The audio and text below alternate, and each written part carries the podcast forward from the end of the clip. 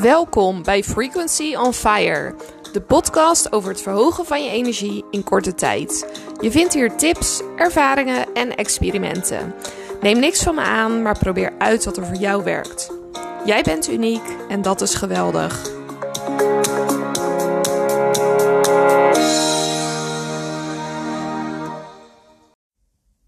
Hoi allemaal, leuk dat je weer luistert. Vandaag wilde ik iets delen over eten en wat voor effect dat heeft op je vibratie, op je trillings, op je trillingen, op je frequentie, op ehm, hoe je je energie kan verhogen of juist verlagen. Nou, ehm, ik ben dus een hele tijd in India, of een hele tijd, maar ik ben in ieder geval ben ik drie maanden in India geweest. En in die drie maanden heb ik les gekregen van een monnik. En die monnik, nou, ze gaan ook daadwerkelijk een film opnemen over zijn leven, want het is echt bizar. Hij had een keer een droom dat hij naar Japan zou gaan. Toen is hij naar Japan gegaan en hij wist gewoon: er komt iemand straks me ophalen. Nou, hij staat daar heel de dag te wachten. Op een gegeven moment komt er iemand naar hem toe die zegt: Ja, ik zie dat je hier al een hele tijd staat. Wat ben je hier aan het doen? Toen zei Ja, ik wacht op jou. Oh, waarom wacht je op mij? Nou, omdat ik uh, met je meega. Waarheen dan? Ja, naar je huis. Nou, en zo is hij in Japan is hij een paar weken rondgereden door de beste man die hem zag staan. En heeft hij een toptijd gehad in Japan. Er werd elke avond lekker voor hem gekookt. Hij mocht ook nog bij die man logeren enzovoorts. Daarvoor dachten ze dat hij hele agressieve, een hele agressieve vorm van kanker had. Dat hadden ze gezien op scans dat hij een uh, hersentumor had. En hij was naar de ganges gegaan. Hij had al zijn diploma's erin gegooid. Had van alles gestudeerd: astronomie, astrologie, um, bepaalde wetenschappen. Ik weet niet wat allemaal. Hij had heel veel studies gedaan. Al zijn diploma's weggegooid, al zijn bezittingen weggegeven. En al zijn geld opgemaakt, omdat hij dacht: ja, ik ga toch snel dood. En toen uiteindelijk kwam hij bij een. Uh, toen was hij dus nog geen monnik. En toen uiteindelijk kwam hij bij een. Ja, een. Uh, hoe noem je dat? Waar alle monniken wonen. Ik kom even niet op de naam, een bepaalde tempel in ieder geval, waar die monniken dan bij woonden. En um, nou, toen ging hij in de leer om monnik te worden. En door dat mediteren, door het gezonde eten, door van alles en nog wat, werd hij steeds gezonder.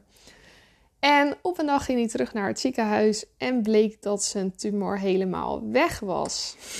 Nou, hij was in eerste instantie super boos, want hij had net zijn geld uitgegeven. Zijn, spullen waren allemaal weg. Zijn diploma's die lagen op de bodem van de ganges. En ga zo maar door. Dus hij was echt not amused. Ook al zou iedereen verder een gat in de lucht springen. Maar hij dacht alleen maar: wat de hel, hadden ze dat niet een beetje eerder kunnen vertellen? Nou, blijkbaar dus niet. Maar in ieder geval, een van de dingen die ik van deze monnik heb geleerd. Ik heb verschrikkelijk veel van die man geleerd. Ik ben hem echt super dankbaar. En het heeft mijn kijken op het leven ook veranderd. En een van de belangrijkste dingen die ik van hem heb geleerd is dat al het eten wat je eet heeft een bepaalde frequentie. Uh, in India zijn er ook veel mensen die niks eten wat buiten de deur is klaargemaakt, omdat ze dan niet weten wie het heeft gekookt en wat voor ja, gevoelens die mensen hadden en dat je dan die gevoelens ook tot je kan nemen. Nou, dat zou kunnen. Zover zou ik zelf niet willen gaan, al zou het kunnen dat jij daar wel gevoelig voor bent. Um, maar wat hij tegen ons zei was: Ik ga je niks vertellen wat je wel of niet zou moeten eten. Maar ik wil dat je na het eten, een paar uur daarna, kijkt hoe je je voelt. Gewoon observeren wat gebeurt er in mijn lichaam, wat voor gevoelens heb ik. En zei hij, je zal een bepaald gevoel hebben. Dus of je wordt er blij van, of je wordt er verdrietig van, je wordt er boos van, je wordt er onrustig van. Misschien krijg je nog wel hele andere gevoelens, maar altijd een paar uur nadat je iets hebt gegeten, geeft je lichaam je een signaal in de vorm van bepaalde gevoelens. Ik dacht, ja, het zal wel. En op het moment dat ik daar was, had ik super gezond. Ik was bezig met een Ashtanga yoga opleiding.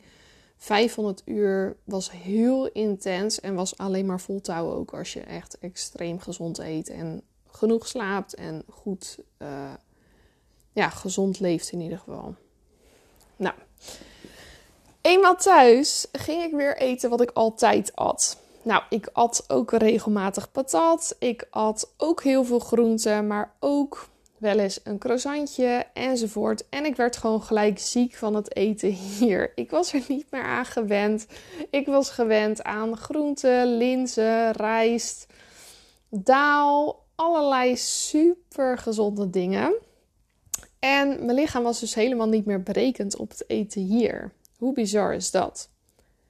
Iedereen waarschuwt je altijd: oh, naar India, nou dan moet je uitkijken dat je niet ziek wordt. Nou, uh, ik hoefde dus zeker niet uit te kijken. Ik ben niet ziek geweest. Moet ik wel zeggen, omdat ik daar helemaal geen vlees heb gegeten. Ehm, maar ja, het kan dus ook uh, andersom gebeuren. Dus dat is ook nog een goeie. En toen ging ik letten op wat hij had gezegd. En toen merkte ik dat het daadwerkelijk waar was elke keer een paar uur nadat ik iets had gegeten, dan voelde ik me of blij, of verdrietig, of gestrest, of boos, of helemaal euforisch, of echt heel down. En ik wil je uitnodigen om dat ook een keer te doen. Wat er goed voor is, dat is voor iedereen is dat anders. Dus ik kan niet zeggen van, oh, dit moet je wel eten, dat moet je niet eten. Maar voor mij is het bijvoorbeeld niet goed om heel veel vlees te eten. Ik ben geen uh, volledige vegetariër, nog wel van plan dat ooit te worden. En ik eet ook gewoon uh, eieren en boter en zo. Ga ik ook waarschijnlijk ooit nog wel anders doen. Um, maar ja, dat betekent dat als jij bepaalde gevoelens hebt en die wil je niet hebben, dat het ook zou kunnen dat je misschien iets in je eetpatroon kan veranderen.